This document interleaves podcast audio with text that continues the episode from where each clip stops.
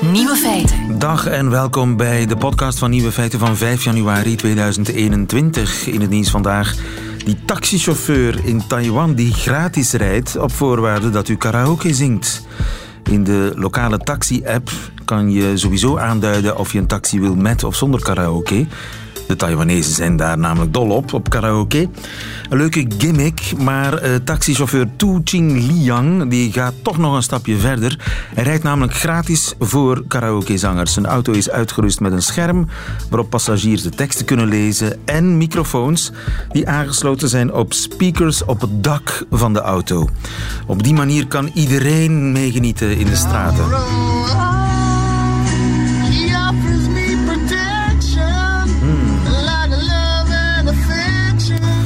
Gelukkig waaien niet alle virussen over uit het Verre Oosten. De andere nieuwe feiten vandaag. Weinig mensen doen aan krachttraining, terwijl het voor de gezondheid even belangrijk is als bewegen. In Zweden is onderzocht welke goede voornemens wel werken. Tindermoeheid en dating burnouts slaan toe bij gebruikers van liefdesapps. En in het noordelijke Moermansk willen ze volgende winter geen poolnacht meer en bouwen ze aan een kunstzon. De nieuwe feiten van Nico Dijkshoorn hoort u in zijn middagjournaal. Veel plezier. Radio 1. Nieuwe feiten. 40 dagen donker is het in Moermansk, in het uiterste noorden van uh, Rusland. Nog een dag of vijf, denk ik. En de, de eerste zonnestralen laten zich zien gedurende één uurtje per dag in uh, die stad vlakbij uh, de Noordpool. Maar als het van de baas van Moermansk afhangt, was het de allerlaatste poolnacht. Want vanaf volgend jaar wil hij een kunstzon. Tom Venink, goedemiddag. Goedemiddag. Je bent correspondent Rusland voor de Volkskrant en bent in Moermansk geweest. Hè? Heb je daar zon gezien? Ik heb geen enkel zonnestraaltje gezien. Het is 24 uur per dag donker en dat duurt 40 dagen. En wanneer komt de zon terug? 11 januari. De bevolking kijkt daar rijkhalsend naar uit en dan verzamelen ze zich met z'n allen op het, uh, op het centrale plein van Moermansk om uh, ja, de zon eindelijk weer uh, te kunnen zien. Al is het maar voor een uurtje. Ja, en hoe overleven ze daar, die, die ijskoude, ellenlange poolnacht van 40 dagen zonder zon? Ja, ik heb gesproken met mensen die daar wonen en ze hebben allemaal hun eigen manier om de poolnacht te overleven. Sommigen uh, nemen iedere dag een ijsduik om, om, ja, om wakker te blijven. Andere mensen nemen vitamine D-pillen.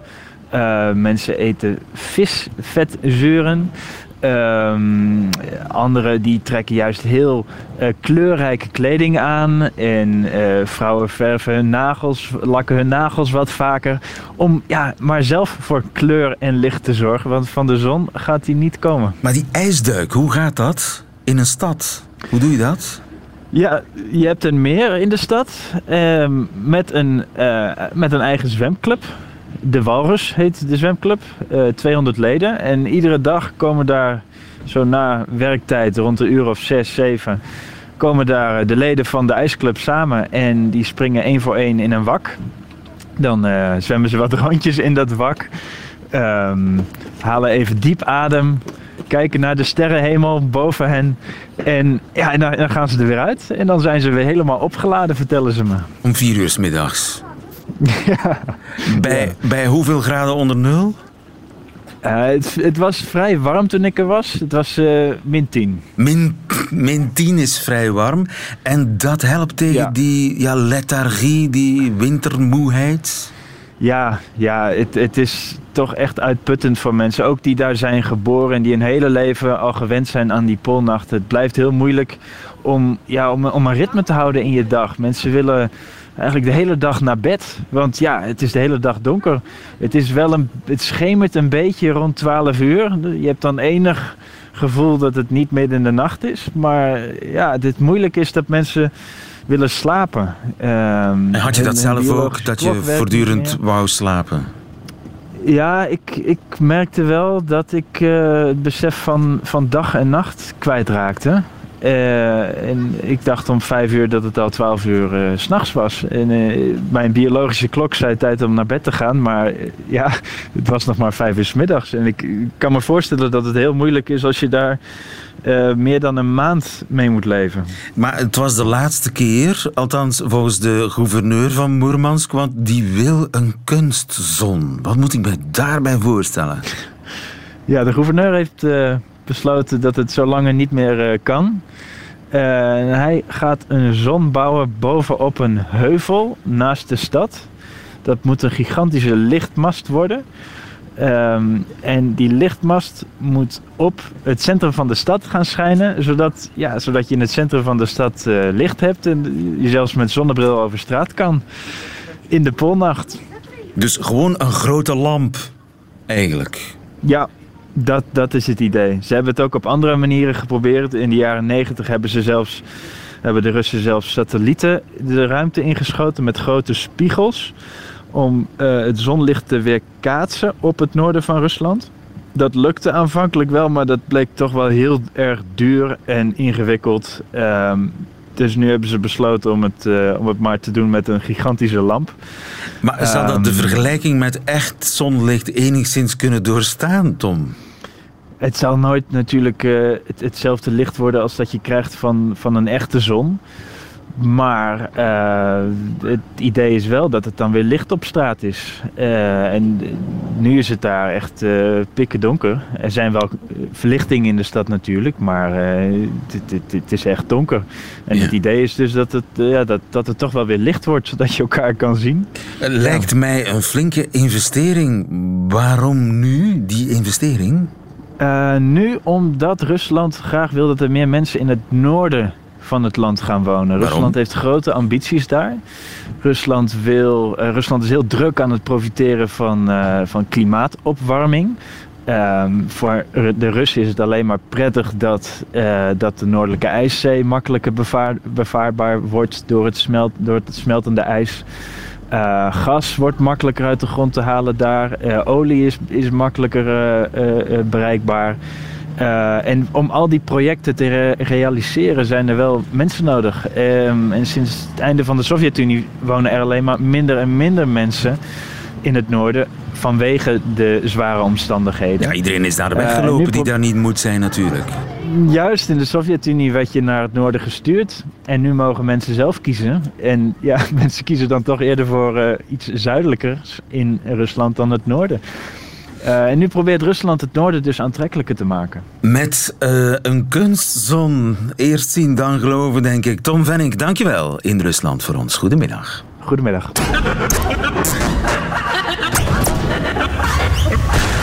Nieuwe feiten. En wat is uw goede voornemen dit jaar? Meer sporten, dacht ik het niet. Prima. Twee keer per week de fiets op, geweldig. Maar heeft u ook al eens aan krachttraining gedacht?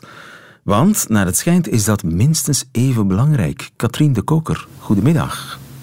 Goedemiddag. Je bent eh, sport- en bewegingswetenschapper aan de Universiteit van Gent.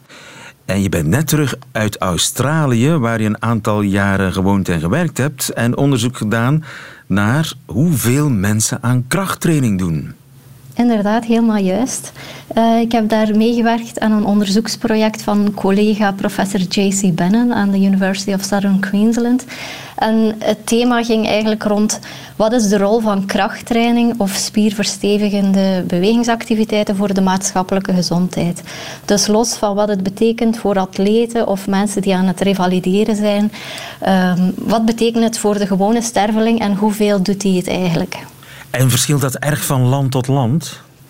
Wel, de studie uh, die we gedaan hebben, daarbij hadden we um, data over van 28 verschillende Europese landen.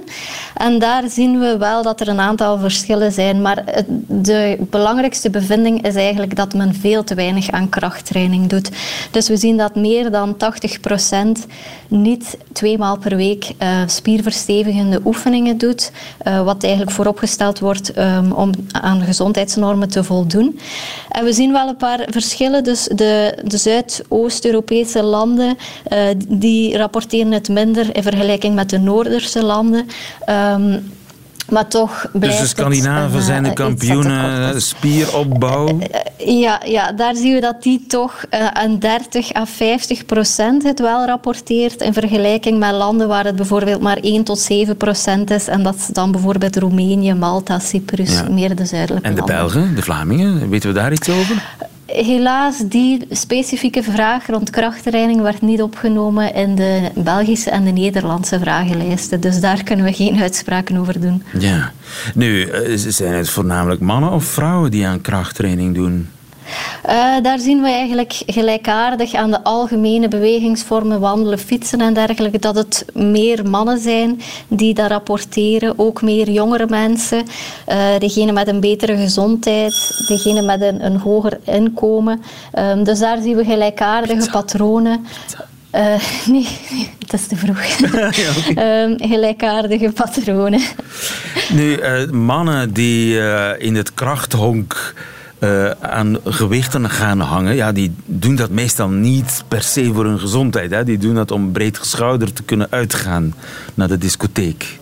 Ja, inderdaad. Eh, er zijn verschillende redenen waarom je een bepaalde bewegingsvorm kan doen. En ook bij die, bij die krachttraining is het vaak om esthetische redenen. Um, maar het is zeker niet zo dat je dat daarom moet doen. Dus uh, we denken vaak bij krachttraining aan uh, bodybuilders en, en dergelijke.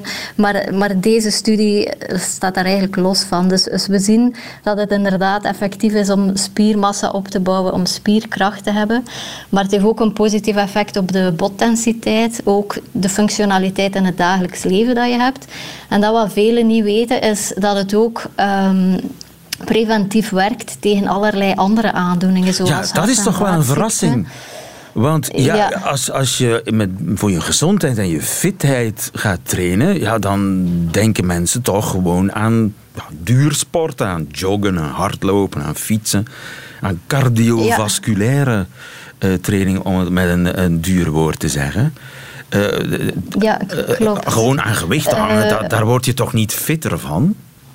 Wel, we zien eigenlijk dat, dat inderdaad ook dat beide een, een positief effect hebben op die, op die chronische aandoeningen. Dus ook los van de hoeveelheid duursporten die je doet, zien we dat er unieke voordelen zijn op vlak van diabetes, hypertensie, hart- en vaatziekten, bepaalde kankers zelfs.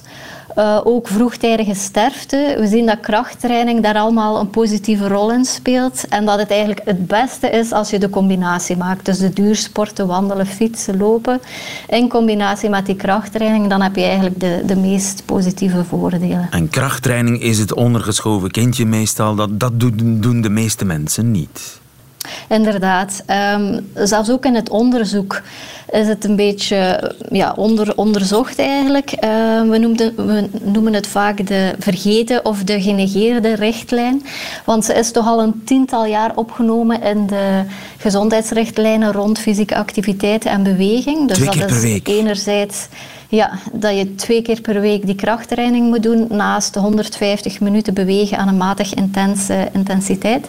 Die, die worden al tien jaar in combinatie gepromoot of voorgeschreven, maar vaak ligt de nadruk en de boodschap in promotie en dergelijke vooral op die aerobe duursport en vergeten we uh, het luikje van de spierverstevigende oefeningen. Ja, en kan ik dat zelf thuis of moet ik daarvoor naar zo'n fitnesscentrum?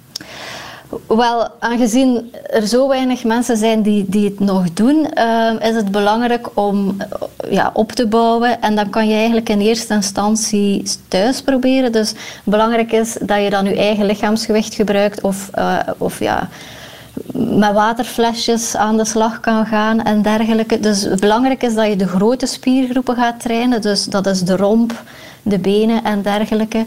Uh, en dat je dat geleidelijk aan opbouwt. Maar vaak hebben mensen daar schrik van. En kan het wel zijn dat er extra begeleiding nodig is. En dan is een uh, ja, begeleiding in een fitnesscentrum natuurlijk. Uh, ja. die zijn dicht op dit ogenblik natuurlijk, dus uh, dat ja. wordt moeilijk. Maar je kan al ja. heel wat met een paar uh, apps op je telefoon, uh, watergevulde flesjes. En ja, het, het klassieke pompen, hè? Gewoon pompen. Inderdaad, inderdaad. Sit-ups, push-ups, squats. Het wordt een heerlijk jaar, Katrien de Koker. Dankjewel, goedemiddag. Graag gedaan. Altijd benieuwd. Nieuwe feiten. Tindermoeheid. Heeft u daar al eens van gehoord, van tindermoeheid? Misschien heeft u er zelfs last van, dat zou kunnen. Of uh, een dating burn-out. Nog zo'n moderne fenomeen. Meer en meer tinderaars die hebben dat. En Tila Pronk die heeft onderzocht hoe dat komt. Goedemiddag, Tila. Goedemiddag. Je bent onderzoeker aan de Universiteit van Tilburg. En je hebt gekeken waarom mensen die online daten eigenlijk niet gelukkig zijn. Want dat is raar, want je zou zeggen, niet dan voordelen aan dat online daten. Vroeger was het een stuk moeilijker om een lief te vinden. Ja, dat zou je denken. En dat is natuurlijk uh, tot op zekere hoogte ook helemaal waar. Want vroeger had je maar een hele beperkte keus. Je moest ook heel erg je best doen om überhaupt een partner te vinden. Je moest op zijn minst naar buiten om ergens naartoe te gaan om iemand tegen te komen. En vandaag de dag kan je gewoon eh, in je pyjama op de wc uh, je app openen. En dan heb je gewoon honderden partners die zich voor jou opstapelen. En daar kan je gewoon lekker tussen kiezen. Dus je zou denken, we zitten in het paradijs. Ja. Het lijkt heel efficiënt, want inderdaad, hoe meer keuze, hoe groter de kans dat je precies degene vindt die bij je past, toch? Dat is inderdaad de intuïtie. En dat, uh, dat lijkt heel logisch. Als je heel veel keuze hebt, dan vind je precies wat je wil. Maar ik weet niet of je wel eens een, uh, in een restaurant bent geweest met een menukaart van uh, 25 pagina's.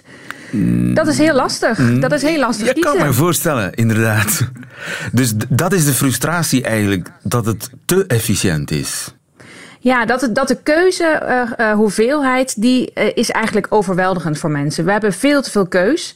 En daar zijn wij eigenlijk helemaal niet toe in staat om uit zoveel mensen te kiezen. Ja, en jij hebt dat onderzocht, hè? Je hebt echt een experiment gedaan. Ja, inderdaad. Ja. Hoe ging dat? Ja, en voor, nou, voor mijn experiment heb ik uh, me heel erg laten inspireren door de meest populaire dating-app, uh, Tinder. En uh, we hebben dat geprobeerd een beetje na te maken. Dus we hebben een soort van Tinder-app gemaakt zelf. En we hebben nou, dan vrijgezelle mensen uitgenodigd om deel te nemen aan ons onderzoekje. En daarbij kregen ze in een van mijn onderzoeken, werden ze echt gekoppeld aan mensen die ook op zoek zijn naar een partner. Dus het waren allemaal heteroseksuele mensen. Dus de mannen die kregen allemaal foto's te zien van onze vrouwelijke deelnemers, die dus ook meededen aan het experiment. En de vrouwen die kregen alle foto's te zien van mannen. En dan oh. mochten ze gewoon net als bij Tinder gaan swipen. Dus ze konden gewoon gaan kiezen van uh, met wie, uh, in wie ben ik geïnteresseerd. En zijn en, daar huwelijken uh, uit voortgekomen? nee, helaas niet. Tenminste, niet voor zover ik weet. We hebben wel matchgegevens doorgegeven, maar ik zal eens nog eens erachteraan Maar dat was uiteindelijk niet jouw bedoeling. Wat was dan wel de nee, bedoeling? Nee. Nou, wat mijn bedoeling was, was om te onderzoeken wat er eigenlijk gebeurt op het moment dat mensen beginnen met online daten.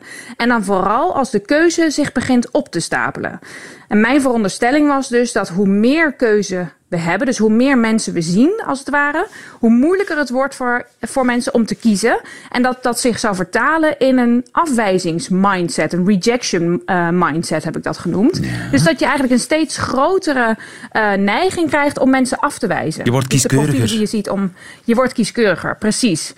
En uh, dat was mijn belangrijkste vraag, of dat inderdaad gebeurde. En dat vond ik. Dat vond ik in, in al mijn onderzoeken. Dat mensen dus over tijd steeds kritischer worden. Dus de dus eerste kandidaten gezien, die worden nog met een zekere welwillendheid uh, onderzocht en bekeken. Juist. Maar ja. na ja. een aantal kandidaten, hoeveel kandidaten ongeveer? Wanneer treedt die afwijzingsmodus in werking? Nou, dat gaat echt heel erg snel. Dus je ziet eigenlijk binnen de eerste vijf profielen al een effect. En na tien is het eigenlijk ben je gewoon, zijn mensen gewoon op. Dan zijn Ja. ze, zitten ze al heel erg in de afwijzingsstand. Vooral vrouwen die uber, überhaupt al kritischer zijn Brad dan Pitt mannen. al niet meer. Nee, nee, inderdaad. Ja, dus uh, ja, dat is wat we, wat we vonden. En wat ook heel erg onderschrijft dat idee van die grote hoeveelheid keuze. Dat uh, is eigenlijk uh, ja, meer een nadeel dan een voordeel. En verliezen mensen daardoor ook hun zelfvertrouwen? Want ja, ze zullen wel doorhebben dat andere mensen ook zo kieskeurig zijn. Ja, precies. Nou, ik, dat is ook een, een, een, bijkomende vraag die ik heb onderzocht. Wat gebeurt er dan psychologisch met mensen als ze daarmee bezig zijn? En we vonden twee effecten. Ten eerste, uh, mensen worden minder tevreden met de opties die ze zien. Dus ook al blijven die opties objectief gezien allemaal even goed en even leuk. Ze worden toch minder tevreden met de, met de keuzes die ze voorgeschoteld krijgen.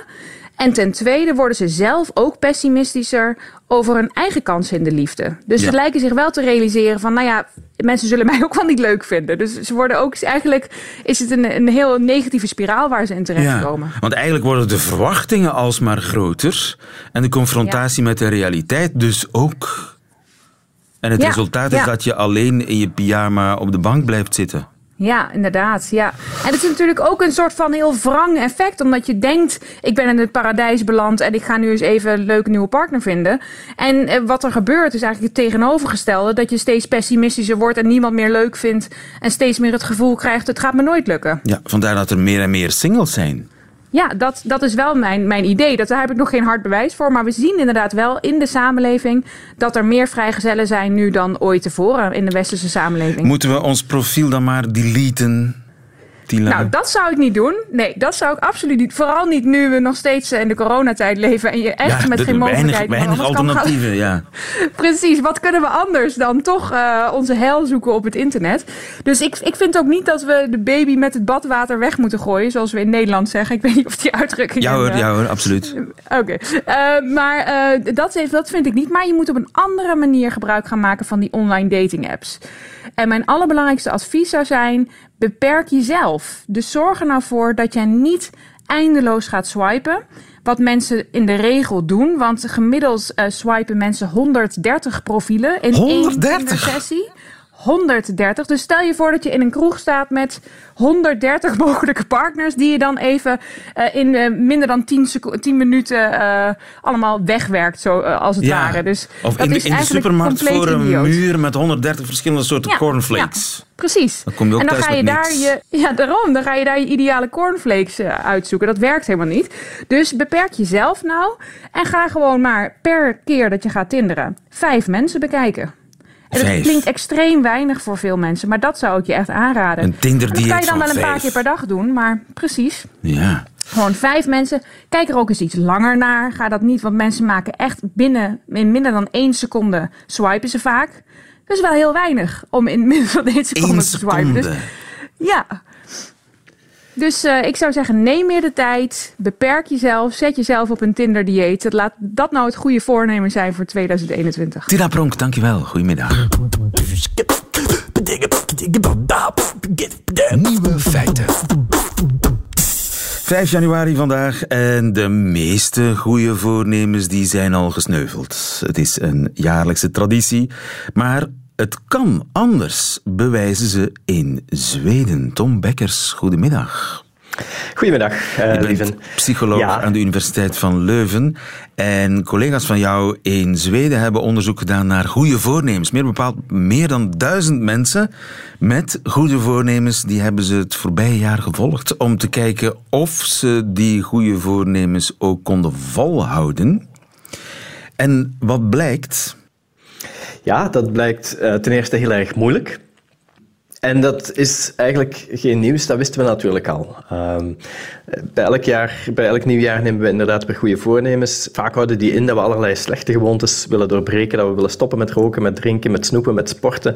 Maar dat blijkt vaak erg moeilijk. Dat bleek ook weer uit dit onderzoek. Als je mensen na een paar maanden gaat vragen hoe het zit met hun goede voornemens, dan blijkt dat er toch vaak niet heel veel van in huis gekomen is. Ja, en welke mensen houden hun eh, goede voornemens wel vol? Wel, het, het blijkt wel uit te maken wat voor voornemens je maakt. Dus als je je het voornemen maakt om te stoppen met iets, dan blijkt dat voornamelijk moeilijk. En, en waarom is dat zo moeilijk? Wel, dat is niet gek. Ehm, heel veel van- van, onze gedragingen waarmee wij zouden willen stoppen, dat zijn routines. Die zitten ingesleten in ons gedrag. Gewoontes noemen we dat. Ja. En op zich zijn die heel nuttig. Ons cognitieve systeem zou overbelast geraken als we voortdurend moesten nadenken bij alles wat we doen of laten. Dus geraken allerhande acties en gedragingen geautomatiseerd. Dat is een goede manier om ons systeem te ontlasten. Maar daardoor ontglipt ons gedrag soms ook aan onze controle. En als we een bepaald gedrag eigenlijk niet meer willen stellen, maakt dat ons het leven dus moeilijk. Dat is zo voor mensen. Dat is ook zo voor laboratoriumratjes, Ja, iets, bijvoorbeeld. iets niet doen wat je gewoon bent om te doen, dat is raar. Dat, dat, dat- jouw systeem verzet zich daar heel erg tegen. Ja. Dus kun je, als, als voornemen kun je dan beter zeggen, ik ga iets wel doen. Ja, dat werkt inderdaad veel beter, zo blijkt. Als je jezelf um, voorneemt om iets wel te gaan doen, is de kans dat je succes zal hebben veel groter. En er zijn een aantal verschillende redenen voor um, waarom dat zo is. Um, als je een vervanggedrag hebt, dan is het eigenlijk veel makkelijker om die, die routines te doorbreken. Je kan dus eigenlijk beter alternatieve routines gaan proberen te kweken die, die een vervanggedrag uh, impliceren voor het gedrag dat je eigenlijk niet meer wilt stellen. Dus je moet een alternatief hebben. Dus om iets af te leren, moet je iets nieuws leren. Ja. Uh, ten eerste al maar omdat dat het stellen van die ongewenste routine minder vanzelfsprekend maakt. Als je in plaats van een Snickers in je mond te steken een banaan eet, dan kan je zolang je die banaan aan het eten bent alvast geen Snickers eten. Ja? Plus je honger wordt minder en die honger wakkert natuurlijk toch ook het snoepen aan. Dus zeker meteen acuut op korte termijn is het al meteen nuttig om een vervanggedrag te hebben maar ook op de lange termijn, omdat je eigenlijk naast die routine die je had, een alternatieve groef in je gedragsrepertoire trekt. En zodra een beginnend hongergevoel of brandende zin in lekkers niet enkel automatisch tot een aandrang in snoepen leidt, maar ook aanzet tot het eten van bijvoorbeeld een stuk fruit, dan ben je op goede weg. Dus dan wordt het maken van de meest verstandige keuze al een stuk makkelijker. Ah ja, dus je moet niet zeggen, ik moet minder koeken eten. Je moet zeggen, ik ga meer fruit eten. Uh, het, het, helpt om, om een ander alternatief, als het ware, top of mind te maken, zodat je op het moment dat je denkt van ik ga iets eten, dat je een aandrang voelt om iets te eten, dat er ook meteen een ander alternatief um, meteen naar boven popt in je hoofd. Um, en dat moet natuurlijk ook lekker zijn, hè? want ja, als het iets is dat je tegen je zin opeet, dan zal het niet dat, werken. Dat werkt natuurlijk ook niet goed. Dus er moet een soort van beloning zijn, toch? Goh, dat helpt, maar natuurlijk ook al gewoon het feit dat je een positief door, uh, voor, uh, doel formuleert door zo'n gedragsalternatief, dat helpt op zich ook al. Dus als je niet zegt, ik wil minder snoepen, maar ik wil gezonder eten. Zeg niet, ik wil minder op de zetel hangen, maar zeg, ik wil meer sporten. Uh, dat blijkt echt uit dat onderzoek uh, van die groep in Zweden. Als je je voornemens positief formuleert, iets wat je wil doen, dat je dat veel makkelijker kan vasthouden dan voornemens die je negatief formuleert. Iets dat je niet meer... Als ik ga stoppen met roken bijvoorbeeld, wat heb ik daaraan? Ja, dat is dan dus moeilijk, uh, maar je kan misschien... Dat, dat blijkt dus ook moeilijker te zijn dan, dan andere dingen. Nu, als je wil stoppen met roken, wat bijvoorbeeld dus helpt, is een gedragsalternatief. Uh, daarom werkt nicotine kauwgum wellicht beter dan een nicotinepleister. Um, Zo'n kauwgum steek je in je mond in plaats van die sigaret op te steken, dus dat helpt je al.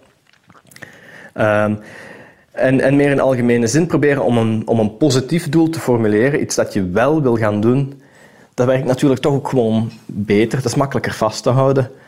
Um, dat is een beetje het witte beer-effect. Als je voortdurend denkt aan wat je niet wil doen, dan ben je eigenlijk voortdurend aan het denken aan, aan de verleiding. Die hangt als het ware voortdurend voor je neus. En daar zit dan bovendien geen intentie in, geen, geen alternatief in geformuleerd. Dus als je er even in slaagt om dat niet te doen wat je niet wil doen, dan heb je nog altijd niks, niks beters gedaan. Uh, en, en, dan heb je niks anders om handen. En zoals ze zeggen, ledigheid is des duivels oorkussen. Zolang je niks anders te doen hebt, blijft de verleiding groot om toch maar te hervallen in wat je wil. En dat is het witte beer-effect. Ja, het is heel moeilijk om, om niet aan iets te denken waar je niet aan wil denken. Als je jezelf voortdurend moet zeggen, ik wil dit niet doen, ik wil hier niet aan denken, dat, dat lukt niet. Ik wil niet aan een witte beer denken, ja, daar heb je die witte beer al. Ja, dat is hopeloos. Ja, dan zit die al uh, voor je geest. Terwijl bij een positief geformuleerd doel is, is het... Uh, is het veel makkelijker. Daar zit het succes als het ware ingebakken. Als je minder wil roken en je slaagt erin om die ene sigaret niet op te steken waar je zo'n zin in hebt, dan weet je nog niet of dat de volgende keer ook weer zal lukken. Dus je weet helemaal nog niet of je succesvol aan het zijn bent. Anders gezegd, bij zo'n negatief geformuleerd doel ligt falen eigenlijk voortdurend op de loer. Ja. Bij een positief geformuleerd doel focus je op potentieel succes. En iedere keer als je dat gedrag dan stelt, heb je succes. Je hebt het altijd binnen handbereik. Dus het, het is simpel, maar je moet erop komen. Tom Beckers, heb je zelf uh, goede voornemens gemaakt? Uh, ik heb voor uh, 2020 alleen maar het goede voornemen om te blijven doen wat ik al aan het doen was. 21, hè? We zijn inmiddels 21. 21. Je bent al aan het sporten, oh, ja. gefeliciteerd. Ja, en, en uh, meer tijd voor de belangrijke zaken. Zeer verstandig. Toen met de radio praten en, en genoeg tijd voor het gezin en wat minder hard werken. Maar dat probeerde ik vorig jaar ook al te doen. Met en is niet gelukt? Dus, uh, ah, toch? Jawel, jawel, jawel. Dus ik, okay. ik wil dat gewoon volhouden. En, en was daar een positief... Ja, dat is eigenlijk al positief. Hè? Dat is meer dat doen. Dat is al positief. Ja. Tom Bekkers, dankjewel. Goedemiddag. Graag gedaan. Radio 1. Altijd benieuwd. Dat waren ze, de nieuwe feiten van vandaag, 5 januari 2021. Alleen nog die van Nico Dijkshoorn krijgt u in zijn middagjournaal. Nieuwe feiten. Middagjournaal. Beste luisteraars. Gisteren luisterde ik naar de uitgelekte geluidsopname van Donald Trump. En wat je eigenlijk hoort, is dit. Er staat een naakte gek midden in je kamer en hij vertelt je dat zijn lichaam eigenlijk een ladekast is. Hij drukt op zijn tepel en hij zegt: Nu liggen al mijn sokken weer goed op kleur. In zijn rechterhand heeft hij een hamer. In die situatie zeg je niet: Nee joh, het lichaam is helemaal geen ladekast. Hier, kijk maar. Ik druk nu zes keer op je tepel en er gebeurt helemaal niks. En ga je eens aankleden. Je staat in je blote reet midden in mijn kamer. De mensen zullen er iets van gaan vinden. Dat is te gevaarlijk.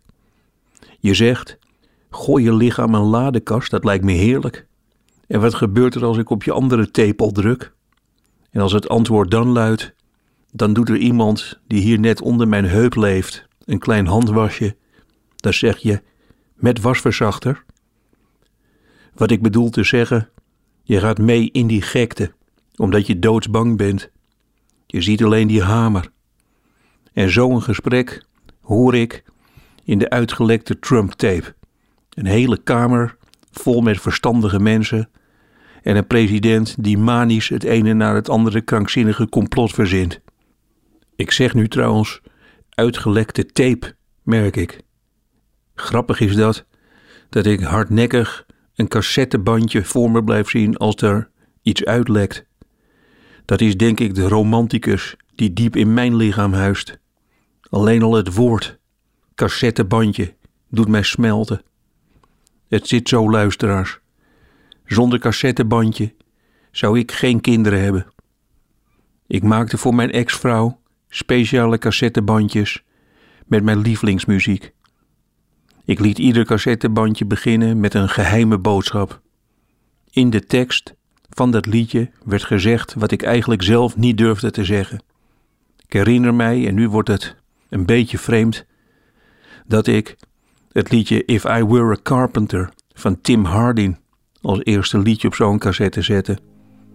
Nu, nu ik het aan u vertel, vind ik dat een beetje pathetisch, maar toen, toen durfde ik dat gewoon. Tim Hardin, die zingt in het liedje If I were a carpenter and you were a lady, would you marry me anyway? Would you have my baby? Dat durfde ik alleen via via aan mijn toekomstige vrouw te vragen. Eigenlijk vroeg ik daar, als ik alleen maar van boeken houd en als ik een rothekel heb aan wintersport, zullen we dan toch ooit kinderen krijgen? Het antwoord bleek ja.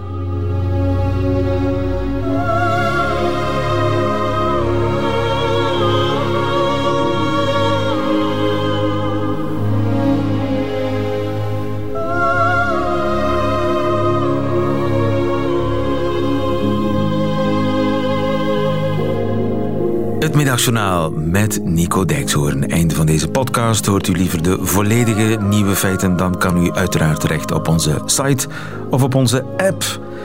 Tot een volgende keer.